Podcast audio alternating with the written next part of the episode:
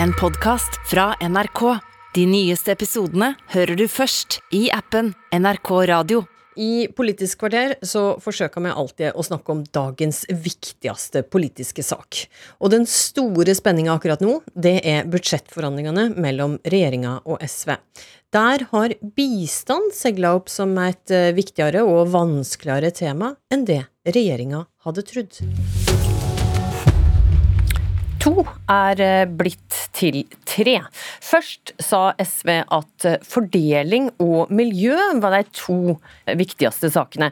Nå har ett punkt blitt lagt til på talerlista, nemlig internasjonal solidaritet. Og i hele helga så har eh, regjeringspartiene og SV forhandla for å forsøke å lande budsjettet for neste år. I går ettermiddag blei forhandlingene flytta til statsministeren sitt kontor, og partileirene blei påkobla. Der satt de til seint i natt. Et av spørsmåla som de bala med, er altså bistand. Og Ingrid Fiskå, du er utenrikspolitisk talsperson i SV. Hva er grunnen til at eh, det har gått fra å ha to hovedsaker inn i forhandlingene, til nå å ha tre, altså også bistand? Det er ganske enkelt fordi internasjonal solidaritet trengs mer enn på lenge. De siste åra har eh, verden blitt en verre plass å være for veldig mange mennesker. Det er delvis pga. pandemien og nedstenginga som uh, følge av den, som førte til en eksplosjon i ulikhet og fattigdom. Så har vi fått krigen mot, Ukraina med svært høye matvarepriser som resultat over hele verden. Og så har vi òg de underliggende problemer med klimaendringer og naturødeleggelser som fratar folk livsgrunnlaget sitt. Og i en sånn en situasjon så kan ikke vi i Norge murer oss inne eh, med de ekstraordinært høye inntektene som landet nå har pga. krigspriser på gass. Ja, sant, Regjeringa la i sitt forslag til budsjett opp til å bruke 0,75% av bruttonasjonalinntektene på bistand. Regjeringspartiene kunne ikke komme hit i dag, men argumentasjonen som de har hatt, er at med de ekstraordinære inntektene som vi har nå, så innebærer dette likevel ei auke i bistandsbudsjettet fra i fjor til, eh, eller fra i år til neste år. Hvorfor heller ikke det? Ja, Det er jo ikke helt sant, hvis en ser på den delen av bistanden som går til hva skal jeg si, resten av verden, altså utenfor uh, Ukraina, så er det en, en reell nedgang der. Uh, og en bruker òg uh, en god slump av bistandsbudsjettet på flyktningutgifter i Norge. Det, det er jo sant at eh, det er mer i bistandsbudsjettet i 2023 enn det var i 2022? Ja, og eh, det hjelper jo ikke for eh, alle andre utenfor Ukraina at folk i Ukraina får heldigvis da, får mer støtte, sånn som vi selvfølgelig er for. Eh, men når det da går på bekostning av resten av verden, så har vi òg et problem. Men det store problemet her, det er jo eh, det at eh, Norge, ifølge regjeringa sitt forslag, ikke opprettholder det som det har vært stor enighet om i Norge i lang tid, nemlig at vi skal bruke 1% av landets inntekter på internasjonal solidaritet. Det er en et anstendig og egentlig ganske forsiktig mål. Og det er ikke rett tidspunkt å gå vekk fra det nå og bruke argumentet om at vi har for mye inntekter som argument. Det vil jo ikke bli forstått i resten av verden, og det forstår heller ikke vi. Det har eh, kommet med et forslag det til hvordan en kan komme seg opp på denne 1% og det med å skape et slags, eller lage et slags nødhjelpsfond. Hvordan skal et slikt fond fungere? Vi foreslår eh, helt riktig et eh, solidaritetsfond. Eh, og Det tenker vi skal finansieres av de ekstraordinært høye inntektene på gass. Altså ved et høyprisbidrag på gass fra sokkelen.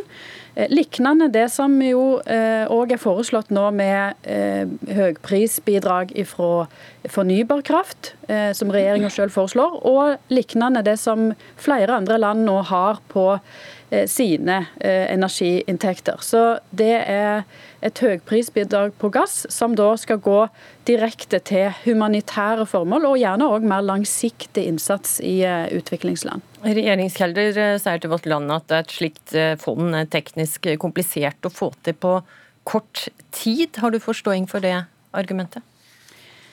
Det er selvfølgelig en jobb som skal gjøres for å få det tekniske på plass. Det kan ikke være eh, hovedargument for å være imot. For hvis det er politisk vilje, så får vi det til. Andre land òg har lignende fond, f.eks. Sverige og Danmark. Så det finnes helt sikkert modeller som vi kan lære av og få på plass veldig raskt.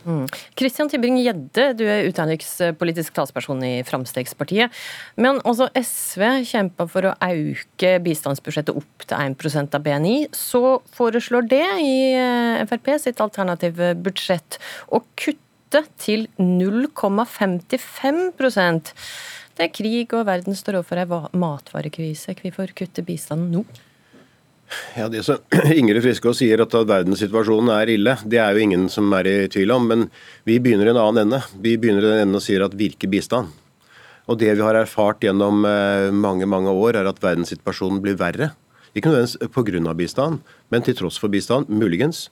Eh, men vi har altså mer korrupsjon, mer nød, mer fattigdom, mer sult, flere flyktninger eh, og det man sier også klimaendringer, hvis man skulle tro på det. Alt dette blir verre år for år for år. Og det at vi kommer inn med, med enda mer penger i disse områdene, er en form hvis jeg ser det, er en form for eh, imperialisme. som den hvite mannen kommer til den svarte mann og forteller hvordan verden skal styres. Jeg mener at det er galt, og jeg mener at vi skal fokusere på nødhjelp, og det er det viktigste. Enten det skulle være flom, katastrofer noe sted, så burde vi gå inn med nødhjelp så det monner. Men Frp har tidligere eh, foreslått 0,7% av BNI til bistand. Nå kutta det dette til 0,55. Hvorfor kutte akkurat nå?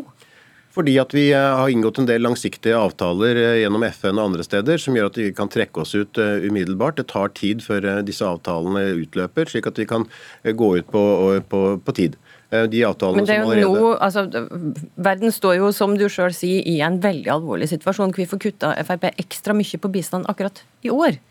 Fordi at den ikke virker.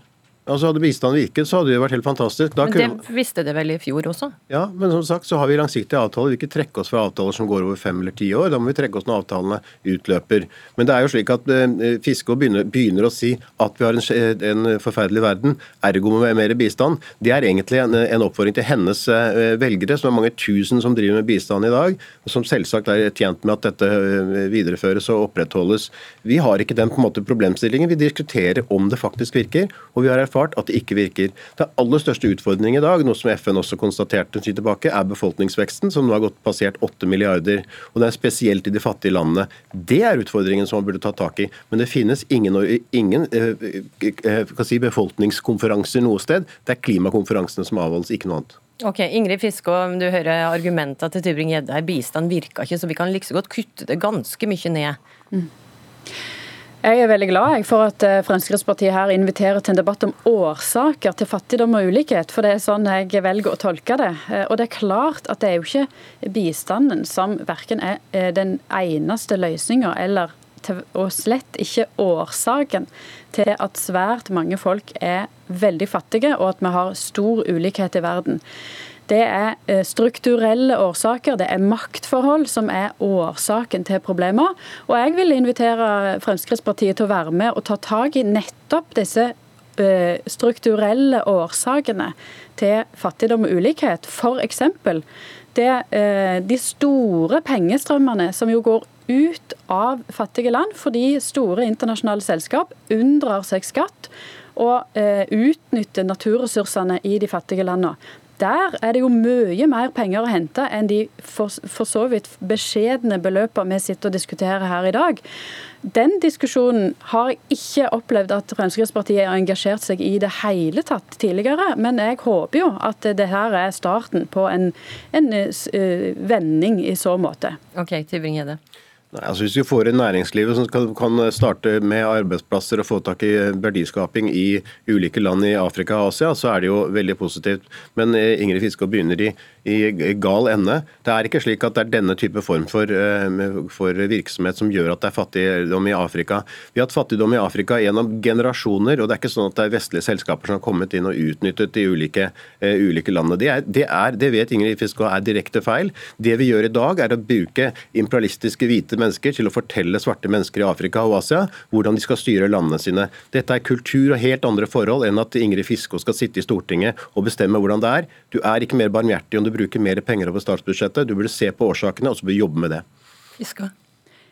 Ja, og det er akkurat den diskusjonen jeg nå prøver å få i gang. Det er, de, eh, det er nettopp det Tybring-Gjedde helt riktig eh, eh, bruker ordet imperialisme. Altså det at pengestrømmene jo i mange tiår og flere hundre år har gått i feil retning.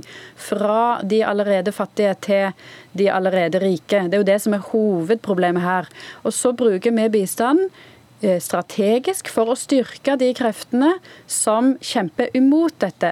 Styrke menneskerettsforkjempere, styrke internasjonale organisasjoner som jobber sammen med fattige mennesker, sånn at en kan forbedre sine livsvilkår og klare å snu den utviklinga. Det er okay. det bistanden bør brukes til. Og da trengs det mer og ikke mindre. Ok, Der fikk du siste ord, eh, Ingrid Fiskå, og takk også til det, Christian Tybing-Gjedde. Og så går vi over til det, politisk kommentator her i NRK, Lars Nehru Sand. Regjeringspartiene og SV satt altså i hele går kveld og langt på natt og forsøkte å bli enige. Og først, hvordan ligger det an med SV sitt krav om å få auka bistanden til 1% av BNI? Da må det legges 14,3 milliarder kroner på bordet for å nå det prosentmålet. og Det har vært et uh, ganske viktig krav for SV, som, som, du også sa innledningsvis. og Det har nå kommet litt overraskende på regjeringspartiene at, at, det var så viktig for SV å bruke så mye penger som det gjenstår, opp til 1 uh, Så det er noe som har prega disse forhandlingene i større grad enn det i hvert fall regjeringspartiene så for seg på forhånd. Mm, hvor med dette nødhjelps- eller solidaritetsfondet som er ønska seg? for det er noen sjanse å få gjennom det? Regjeringspartiene sier at dersom dette skal løses, så må man gjøre det på vanlig måte bevilge dette over statsbudsjettet, og ikke, ikke trikse det til med noe, noe fond. Det er jo, som, som Fiske også sier, flere av opposisjonspartiene som har lansert en sånn løsning for å slippe å bruke oljefondet, eller slippe å kutte andre steder i budsjettet. Eh, regjeringen er ikke bare av budsjettekniske grunner skeptisk til å gjøre det på den måten, eh, så da ligger det an til en ganske stor omfordeling innenfor statsbudsjettet hvis man skal løse inn dette kravet helt eller delvis. Mm. Altså, De jobba altså til langt på natt i går. Hvor, hvor var det mest krevende de jobba med? Det andre i, litt samme gate å løse fattigdomsproblemet her hjemme. så vil jo både øke barnetrygda og, og, gi mer penger til de som går på sosialhjelp eller er minstepensjonister eller mottar bostøtte. Og det å finne en løsning og pakke dette inn på riktig måte, sånn at det er den best mulige måten å hjelpe eh, folk som eh, sliter med økonomien her hjemme, det har vært viktig for, eh, for forhandlingene. Så vidt jeg forstår, så er det en egen undergruppe som har jobba med dette spesifikt for å og komme med, med, konkrete svar på det.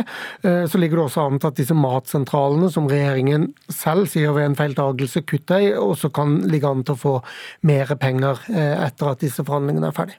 Mm. Og olje og skatt blir også trukket fram som krevende saker. Eh, hva er det vanskeligste i skattepolitikken?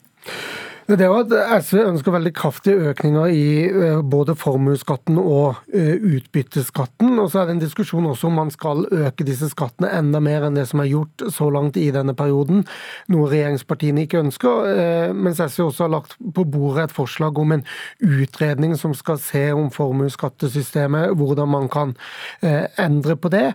Hvilke objekter som skattes hvor mye, og hvordan man bør, bør se på det i fremtiden. Så det har ikke nødvendigvis så stor innvirkning innvirkning for neste år, men, men vil, jo, eh, vil, jo, fornye skattedebatten eh, potensielt. Eh, en slik utredning dersom den blir lagt frem en gang. Mm, og hva med olje og miljø? Hva gjennomslag ligger SV an til å få her? Både når det gjelder oljepolitikk og, og derigjennom eh, klimapolitikk og natur, eh, det å løse naturkrisen, som ikke bare handler om CO2-utslipp, så er det viktig for SV at man får til konkrete gjennomslag som kan bevise at det kuttes eh, CO2-utslipp neste år. Så det må ha veldig kortsiktig effekt, og det må kunne regnes hjem på en måte som, som gir honnør til, til, SV for et, et faktisk klimagjennomslag. Og det gjør jo at de aktuelle tiltakene skumper litt inn. og Det, det er krevende for forhandlerne å, å finne løsninger som, som, er gode nok for SV. Det som mange kanskje så for seg skulle komme på bordet, nemlig Wisting-feltet i, i, Barentshavet, det har jo Equinor selv av, av rene bedriftsøkonomiske hensyn lagt vekk. Eh, så nå må det, nå må det andre typer gjennomslag til for at SV skal få, få noe tydelig gjennom på, på oljepolitikk. Om det da blir konkrete felt eller leteaktivitet, det, det gjenstår å se se, men det viktige er altså at det kutter CO2-utslipp neste år. Mm. Målet var altså å bli ferdig senere i dag, men vi får se hvordan det ligger an. Det var alt vi hadde i Politisk kvarter i dag, som var ved Astrid Randen.